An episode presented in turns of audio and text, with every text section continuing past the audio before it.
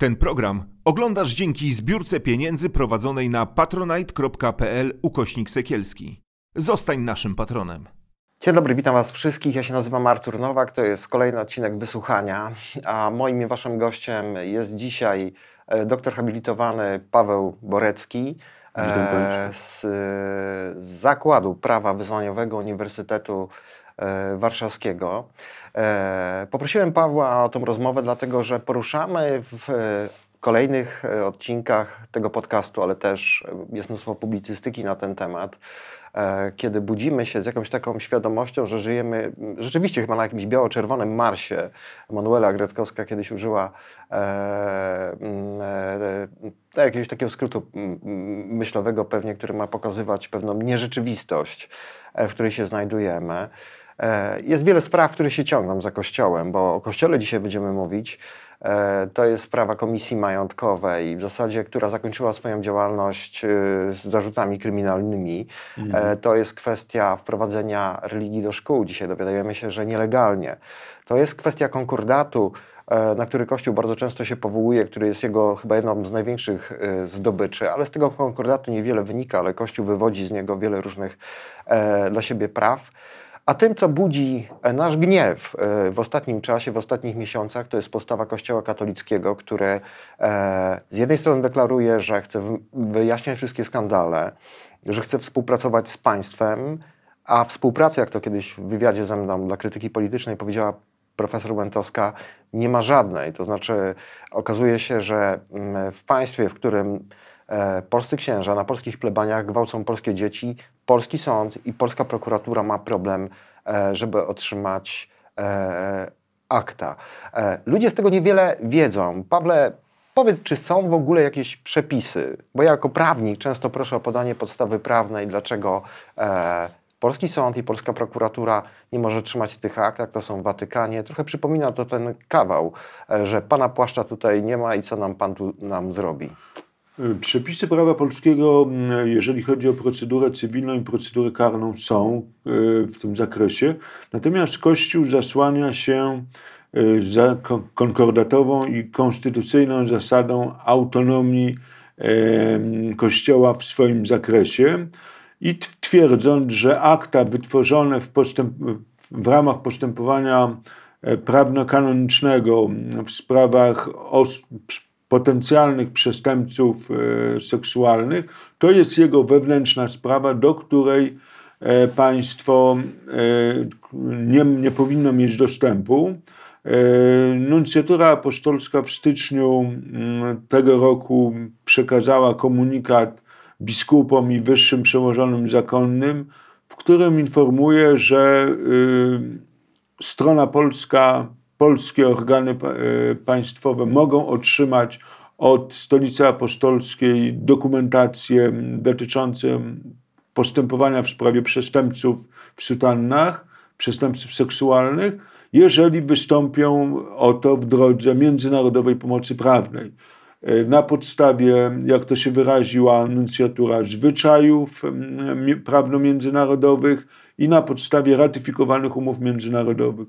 Otóż e, zbadałem tę sprawę, sprawdziłem e, w Polskim Ministerstwie Spraw Zagranicznych. Polska nie ma ratyfikowanej umowy międzynarodowej ze Stolicą Apostolską, z państwem watykańskim również na temat międzynarodowej pomocy prawnej. Jest to, przepraszam, że użyję tego słowa, bezczelna, wulgarna zasłona ze strony nuncjatury e, po to, żeby nie udostępniać polskim organom wymiaru sprawiedliwości materiału dowodowego, jakim są akta postępowań prawno-kanonicznych w sprawach potencjalnych przestępców w sutannach. Ja jestem zdania, że w, cóż w takiej sytuacji wy, wypada robić? No, moim zdaniem sądy, prokuratura powinna po pierwsze zwolnić, gdyby strona kościelna zasłaniała się tajemnicą zawodową, bo tajemnicą spowiedzi już nie może, bo to, to byłoby ewidentne nadużycie. Ale gdyby zasłaniała się tajemnicą zawodową, prokuratura lub sąd powinien zwolnić zainteresowanych z obowiązku zachowania tej tajemnicy i polskie organy wymiaru sprawiedliwości w ostateczności powinni po prostu siłą wkroczyć do kurii diecezjalnych, spróbować dotrzeć do y, tego materiału dowodowego przy pomocy instrumentów wręcz y, przymusu bezpośredniego, mhm. jeżeli nie się inaczej. Ale to wymaga mhm. odwagi politycznej. To no wymaga odwagi politycznej, której w Polsce dzisiaj w stosunkach z Kościołem nie ma. Ale wytłumacz mi to takie zjawisko. Jesteś też naukowcem. ja mam takie wrażenie, że e, pewne śmiałe pomysły, motorem zmian powinna być elita, tak? Mam na myśli też polityków, tak? E, I ja mam wrażenie, że w, w, sprawie dotyczącej Kościoła jest chyba trochę odwrotnie, no bo ja czytam badania, znamy te badania y, i opinia publiczna dla Kościoła nie ma litości, tak? Te mm -hmm. badania się zmieniają, ja już to powtarzam e, w każdym odcinku. No, młodzież wyszła z kościoła, to jest 26% praktykujących młodych ludzi w tej chwili. Według mm. najnowszych badań, kilkanaście lat temu było ich 70%, a więc no, to jest niesamowity zjazd. Tak? E, jest przerwanie absolutnie tego przekazywanego z pokolenia na pokolenie uzusu, że się chrzcimy, idziemy do komunii i tak dalej. To widać już. No i jeżeli politycy tego nie rozumieją, e, to jest pytanie, czy oni po prostu nie chcą widzieć tych badań, e, czy są dalej oślepieni, e, nie wiem, tą, tą, tą świetlistą aureolą, którą dostarcza Kościół. Kościół, który, o ile rzeczywiście jeszcze kilka lat temu w badaniach cieszył się jakimś autorytetem, w tej chwili jest, mam wrażenie, instytucją skompromitowaną. Kościół instytucjonalny, badania socjologiczne y, to wyraźnie potwierdzają. Nie ma autorytetu społecznego i zgadzam się z Tobą, że y, można powiedzieć, że, że skompromitował się, mhm. stracił swój, y, swoje poparcie społeczne. Myślę, że po pierwsze, młodzież musi uzyskać pełnię praw wyborczych. E, młodzież to jest dość, dość pojemne pojęcie. E, ten elektorat musi w pełni wejść na arenę wyborczą, to po pierwsze. Po drugie, musi pojawić się zorganizowana, e, wiarygodna siła polityczna, która będzie przedstawiać postulaty laickie. E, siła polityczna, która gdy dojdzie do władzy, będzie ten program realizować w praktyce. Niestety, jedyną orientacją polityczną, która w Polsce w tej chwili lansuje postulaty laickie formalnie, pomijam kwestie materialne, mówię o kwestiach formalnych, jest tak zwana lewica. Ja już nawet nie orientuję się, jakie ona w tej chwili przybiera formy organizacyjne, bo to się mhm. wszystko zmienia. Natomiast niestety lewica, kiedy e, e, związana z, już z byłym SLD rządziła, miała okazję rządzić, e, szła pod rękę z Kościołem. To uzasadniano różnymi szczytnymi celami. Wejściem Polski do Unii Europejskiej, e, spokojem społecznym. Weszliśmy do Unii Europejskiej, polityka e, rządów lewicowych się nie zmieniła.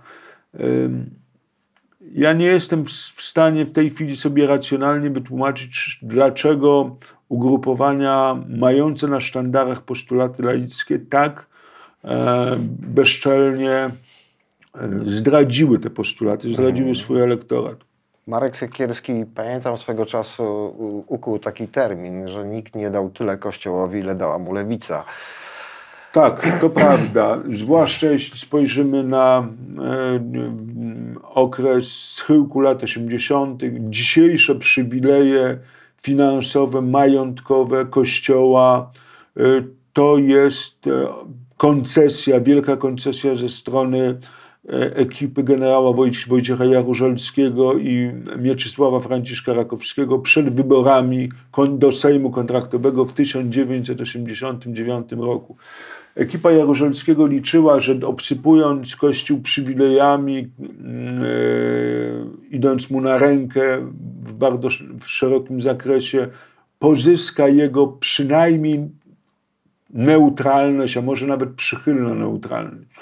Pomyliła się w całej rozciągłości. Ja dziwię się naiwności tych ludzi, polityków przecież, którzy działali już w polityce kilkadziesiąt lat. Ale może to jest związane z tym, że jak przyjrzymy się PRL-owi, przynajmniej latom, latam, mam na myśli końcówkę lat 70., początek y, lat 80. i to, co działo się później, to ta wojna między Kościołem a partią była taką jedną wielką farsą, no bo z jednej strony Wyszyński bardzo mocno strofował e, Wałęsę, e, jeśli chodzi o ten taki zryw e, robotniczy, E, był człowiekiem bardzo ostrożnym, jeśli chodzi mm o, o, o tę kwestię związaną z tymi no, przewrotami, których byliśmy świadkami na początku lat 80. My to jeszcze pamiętamy, jesteśmy z tego samego tak, roku, tak, dzisiaj tak, ustaliliśmy. Tak, tak. 74. Natomiast e, z drugiej strony mm, e, partia nie, nie szła na całość, bo to nie był scenariusz e, DDR-owski, gdzie ten kościół w zasadzie został no, zdelegalizowany. Ja już nie hmm. mówię o Czechosłowacji, gdzie kościół zszedł do poziemia i na dobre to temu społeczeństwu, mam na myśli przede wszystkim Czechów, wyszło dbałość o, o, o, o, pewien taki konserwatywny język, taki wręcz purytanizm w sferze obyczajowej. E, pamiętamy, jak e, Wyszyński piętnował Różewicza, Grotowskiego mm. e, za, za, za, za, za taką odważną formę wyrażania e, no, sztuki, tak, kultury. E, I to się partii bardzo podobało, bo gdzieś tam e, pisali sekretarze Wyszyńskiego do Konkola, że tak w tym e, konserwatywnym społeczeństwie może mieć. Może to jest tak, że ta walka tego kościoła z, z tą komuną i tej komuny z tym kościołem, no to jest jednak trochę jednak jeden wielki mit. Zgadzam się z Tobą w dużym stopniu i wręcz bym powiedział, że koegzystencja partii i rządzonego przez nią państwa z Kościołem katolickim to jest początek lat, e, początek lat 70. Ekipa Gierka. Ostatnim e, człowiekiem, który próbował realizować w praktyce e, przedsięwzięcia laicyzujące państwo i prawo był Władysław Gomułka. Potem obserwujemy już, to, tak jak powiedziałem, współżycie państwa i kościoła, w 1971 roku Kościół otrzymuje na własność olbrzymi majątek nieruchomy na ziemiach północnych i zachodnich. E, to, to, jest w dużym stop, to był w dużym stopniu majątek poewangelicki. Mhm. Do, tego, do, te, do tego majątku Kościół nie miał nawet moralnego prawa, bo ja rozumiem, że Kościół polski przejąłby majątek po Kościele katolickim niemieckim, ale przejął olbrzymi majątek nieruchomy dużej wartości, bo to przecież tak, jest niemieckie tak. budownictwo, niemieckie Oczywiście. nieruchomości, po niemieckie, po, kościele, po kościołach ewangelickich. E, proszę pamiętać jeszcze jednej rzeczy. Kościół w Polsce e, po 1945 roku działał być może w pewnym okresie w trudnych warunkach.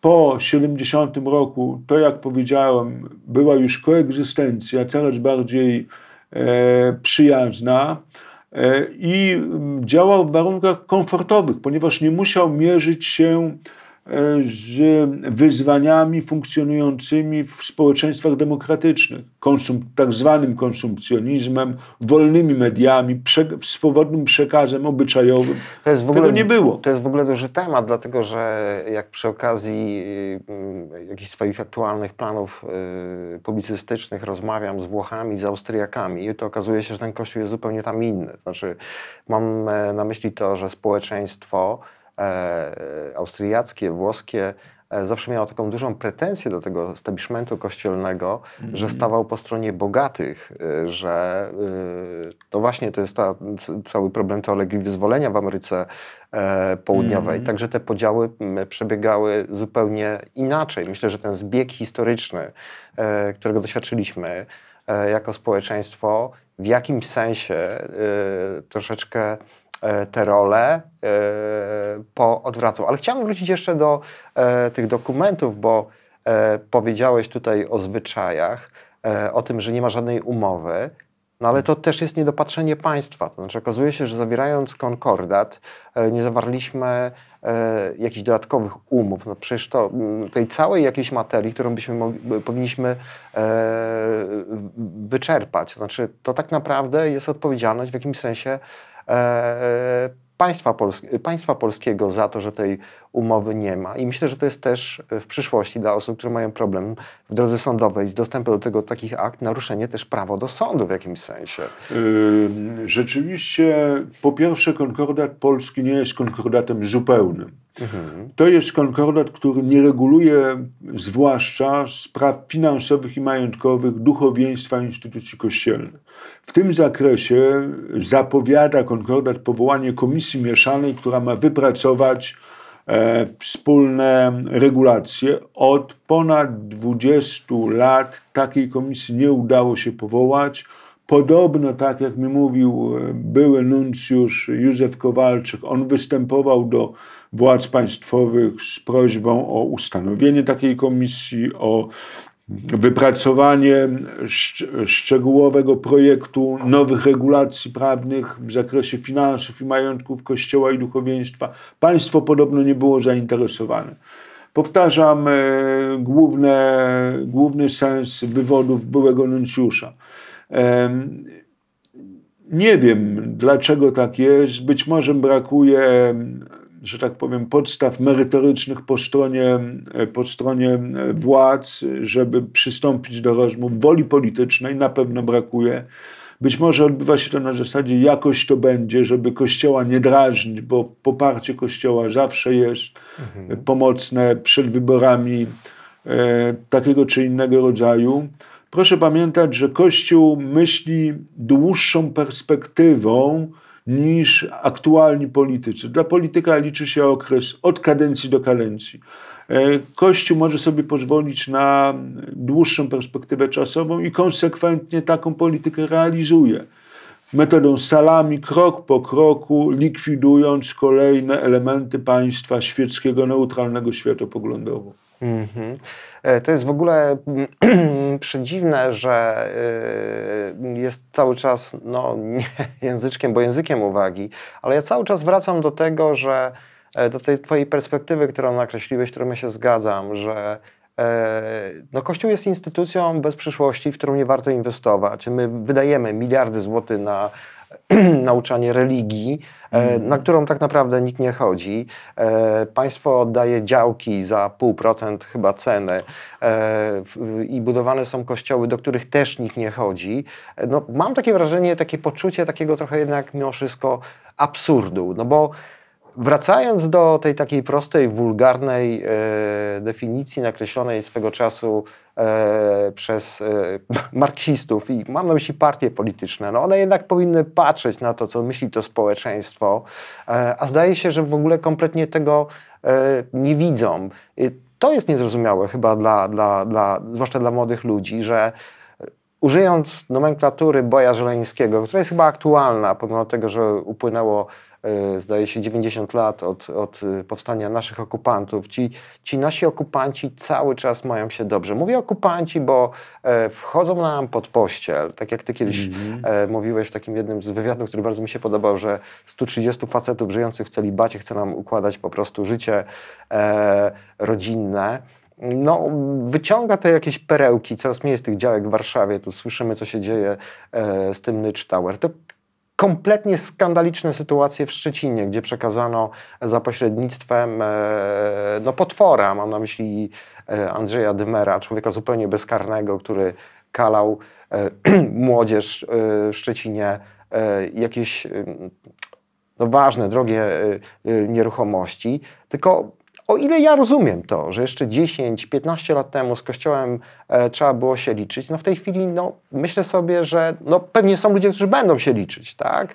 Tylko jest po pierwsze, z jakim wymiarem kościoła, czy właśnie takiego kościoła mm. e, tego konstantyńskiego, takiego pysznego, dumnego, k, któremu wszystko się należy, e, czy też, e, bo przecież jest duża ilość ludzi w kościele, którzy są niezadowoleni z tego, jak to wygląda, ale mam wrażenie, że lwia część naszego społeczeństwa już tego nie chce, tego nie popiera i nie rozumiem polityków, nie rozumiem po prostu elit, e, że, że przyklękają nie tylko na jedno, ale na dwa kolana, jak z Kościołem rozmawiają. No niestety w Polsce nie ma silnych elit laickich, takich jak na przykład we Francji, gdzie Proces laicyzacji zapoczątkowali już Jakobini pod koniec XVIII wieku, a ciągle była żywa tradycja republikańska, która rywalizowała z tą tradycją katolicką monarchistyczną. Po 1875 roku, a dokładnie tam po 1880, przewagę wyraźnie uzyskali republikanie i konsekwentnie zaczęto prowadzić politykę laicyzacji, laicyzacji państwa i prawa. Zaczęto od rzeczy fundamentalnej. Właśnie to mi się podobało u Francuzów, że była refleksja elit laickich, od czego zacząć i jak to prowadzić. Od szkoły, zlaicyzować szkołę otworzyć szkołę dla dziewcząt, dla kobiet, tak żeby mogły się emancypować. I ta polityka moim zdaniem odniosła widomy sukces, bo w 1918 roku tak. pierwszą wojnę światową wygrał nauczyciel francuski, ten uczący mhm. w laickiej szkole. Ale jak mówię, to wymaga prowadzenia konsekwentnej, trwałej polityki przez elity laickie. A więc proces, proces. To proces, to proces, dokładnie. W. Polsce takich elit laickich e, trwałych e, nie wydaje mi się, żeby one, żeby istniały w sposób ewidentny, żeby miały nakreślony plan działania na dziesięciolecia, 20-30 lat i konsekwentnie e, te ideały realizowały. No nic, zobaczymy. Może, możemy robić to co, to, co możemy i trzeba działać. A y, mam jeszcze do Ciebie takie pytanie, no bo y, od jakiegoś czasu Kościół jest zszokowany pewnie y, wyrokami, które zapadają e, w sprawach pedofilskich. Mam na myśli odpowiedzialność cywilną, bo to już nie jest tylko sprawa mm -hmm. Chrystusowców, to, to, to są sprawy wygrane przez Marka Mielewczyka. Mieliśmy e, sprawę w sądzie okręgowym w Bydgoszczy, wyrok utrzymany w mocy. Mm. Mam na myśli tutaj ofiarę księdza Kani. E, dwie decyzje, decyzje podnoszą e, odpowiedzialność za transfer mm. tego mhm. pedofila. Tak się zdarzyło, że mm, w poprzednim tygodniu byłem na rozprawie, gdzie był przesłuchiwany Stanisław Gondecki, szef konferencji Episkopatu Polski, a więc nie byle kto, ktoś, kto jest gdzieś tam mm. jakąś taką E, elitą e, Kościoła. I on przed rozprawą, pytany właśnie o tą odpowiedzialność finansową Kościoła, powiedział, że e, to jest taka faszystowska mentalność, hitlerowska wręcz, że za jednego odpowiada cała wieś. No jak to wygląda na świecie? Tu są jakieś problemy z tym? To znaczy, y, na świecie jest to regulowane przede wszystkim przez praktykę czy, yy, orzeczniczą. Mhm. Yy, w Polsce mamy odpowiednie przepisy yy, kodeksu cywilnego, zwłaszcza artykuł 430 E, dotyczący winy w nadzorze, jest, e, są przepisy przewidujące odpowiedzialność za winę w wyborze, i więc e, możliwość pociąg pociągnięcia do odpowiedzialności zwierzchnych instytucji diecezjalnych czy zakonnych za przestępstwa ich członków istnieje. Wiele zależy od odwagi sądów. Mhm tak jak mówisz, coraz częściej sądy wydają wyroki, skazują, pociągają do odpowiedzialności cywilnej. Cześć i chwała sądom, cześć i chwała e, ofiarom i ich pełnomocnikom, którzy są zdeterminowani, żeby dochodzić swoich mhm. praw. No i mam nadzieję, że, że ta linia orzecznicza się utrzyma, e, że nie będzie podważana przez e, rozchwiany pod względem orientacji politycznej Sąd Najwyższy. Na razie nie jest, jak się wydaje. Można mieć nadzieję, że, że ta linia orzecznicza się utrzyma. I tak jak mówię, w znakomitej większości państw, gdzie wszczynano tego rodzaju procesy, e, odbywało się to na, e, regulacje w tym zakresie powstawały w drodze orzeczeń sądu, mhm. czyli w drodze pewnego prawa bym powiedział, precedensowego, jeśli mogę się tak w cudzysłowie wyrazić. E, w Polsce, tak jak powiedziałem, są podstawy prawne w kodeksie cywilnym, żeby tą odpowiedzialność e, egzekwować, dochodzić. Mhm. Mówiłeś tutaj o tym e, całkiem przytomnie, tak sobie myślę, że mm, zmiany tej mentalności wymagają mm. pokoleń. Brzmi to trochę przerażająco, ja mam nadzieję, że to będzie krócej. A jako prawnik, gdybyś miał przedstawić nam jakąś taką refleksję, co by trzeba było zrobić? Czy to jest tak, że mamy dobre prawo, które po prostu trzeba przestrzegać? Mam na myśli poszanowanie prawa własności, niefaworyzowanie tutaj kościoła, e, czy też e, prawo w jakimś zakresie należałoby zmienić. Często jestem pytany, co zrobić z konkordatem. Jakie, jakie takie najważniejsze kroki byś przedstawił i może ktoś nas słucha, kto kiedyś będzie podejmował pewne decyzje i zechce skorzystać? Hmm, no właśnie, nie wiadomo w co chęce włożyć, mówiąc, y, mówiąc kolokwialnie. Wypowiedzenie konkordatu, y, jeżeli mamy działać y, lege artis, jest bardzo trudne. Natomiast można próbować konkordat uzupełnić, można próbować przedstawić jego wiążącą interpretację w sposób korzystny dla państwa. Wymaga to y, zdecydowania konsekwencji po stronie y, organów władzy państwowej, zwłaszcza naczelnych organów władzy państwowej. To, że strona y, tak zwana watykańska pewne rzeczy jest w stanie przyjąć do wiadomości i milcząco zaakceptować. Tego dowodzi deklaracja wyjaśniająca do konkordatu z 1997 roku, która niewiele wyjaśnia, ale coś tam próbuje wyjaśnić, uszczegółowić w ogólnych postanowieniach traktatu i została y, przynajmniej milcząco zaaprobowana przez Stolicę Apostolską. E, przede wszystkim e, no teraz będziemy świadkami, myślę, że jeszcze nie w tym roku szkolnym, ale już w 2023 e, świadkami ograniczenia wolności młodzieży w zakresie wyboru etyki albo, albo religii. E, młodzież zostanie pozbawiona możliwości nieuczęszczania na żaden z tych przedmiotów. Trzeba śledzić, e, jaka będzie treść regu odpowiednich regulacji prawnych i no, robić co można, czyli w szczególności próbować zaskarżyć do Trybunału Konstytucyjnego, ale w Polsce w tej chwili nie ma realnego sądownictwa konstytucyjnego, A. niezawisłego sądownictwa konstytucyjnego. Działamy zatem w trudnych warunkach, można próbować e, wnosić skargi do Europejskiego Trybunału Praw Człowieka, tylko trzeba pamiętać o dwóch rzeczach. E, postępowanie przed Trybunałem Strasburskim trwa długie lata, mhm. E, chociaż podjęto kroki, żeby to usprawnić. Druga rzecz, nawet wyroki skazujące Polskę, one zapadają, są, polska władze państwowe płacą odszkodowania czy rekompensaty, jak to zwał, tak to zwał, natomiast te wyroki nie są realizowane. To jest problem.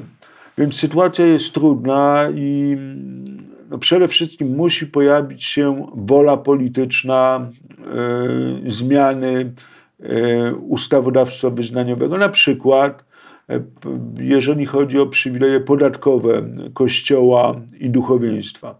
W tej chwili w Polsce rządzi partia katolicka, czyli Prawo i Sprawiedliwość.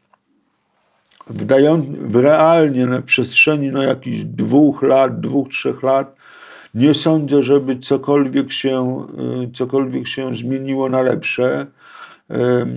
Ja w tej chwili powiem tak, należy odnotowywać i nagłaśniać przypadki naruszania standardów mhm. E, państwa neutralnego światopoglądowo, bronić wolności i praw jednostki, w szczególności wnosząc, e, skarżąc się do sądów powszechnych, czy wnosząc skargi do e, instytucji międzynarodowych Natomiast mówiąc obiektywnie, nasze możliwości ruchu są ograniczone w krótkim okresie czasu, niestety. Mhm.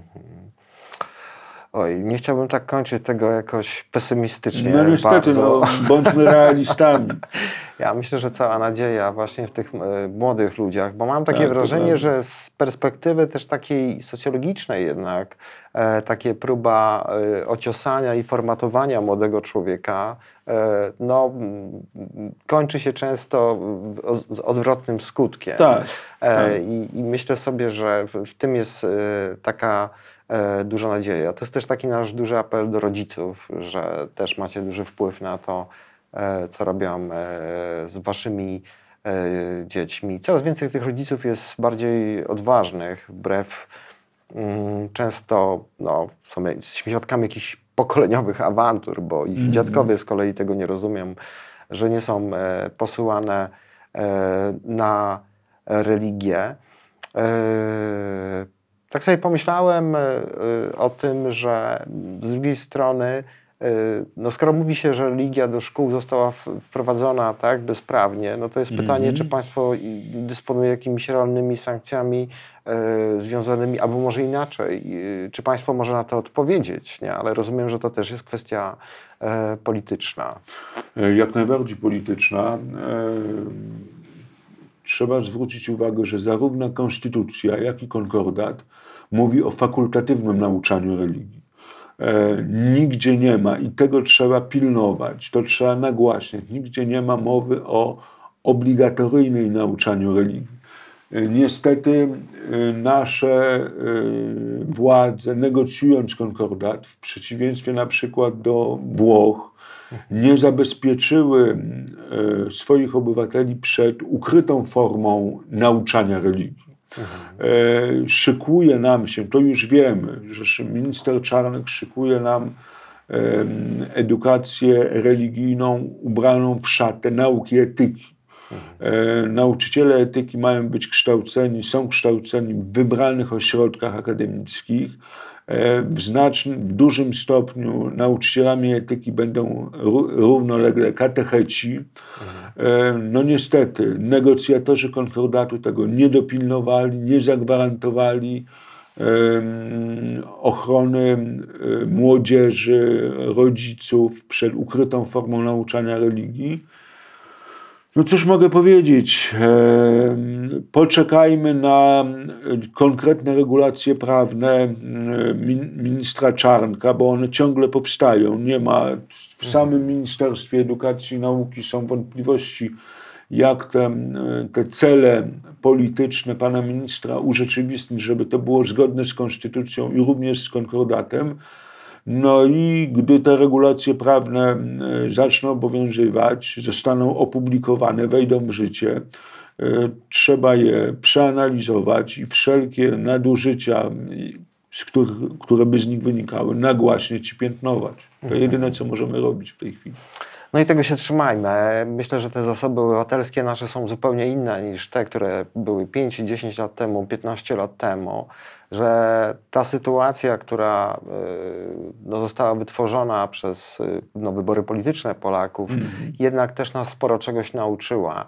E, No czekamy w takim razie na, na te zmiany, czekamy na to nowe pokolenie, które pójdzie e, do urn wyborczych, e, pokolenie, które jeździ po świecie, uczy się języków. Tak i myślę sobie, że w nim jest rzeczywiście cała nadzieja. Kościół walczy o tą młodzież. E, Myślę sobie, że nawet e, w nierównej walce e, jednak e, skazany jest e, na porażkę, to pokazują e, dość mocno badania. Trzymam bardzo kciuki za Twoją działalność. Razem trzymamy. Dziękuję Ci za spotkanie. Dziękuję bardzo. Ten program oglądałeś dzięki zbiórce pieniędzy prowadzonej na patronite.pl ukośnik sekielski. Zostań naszym patronem.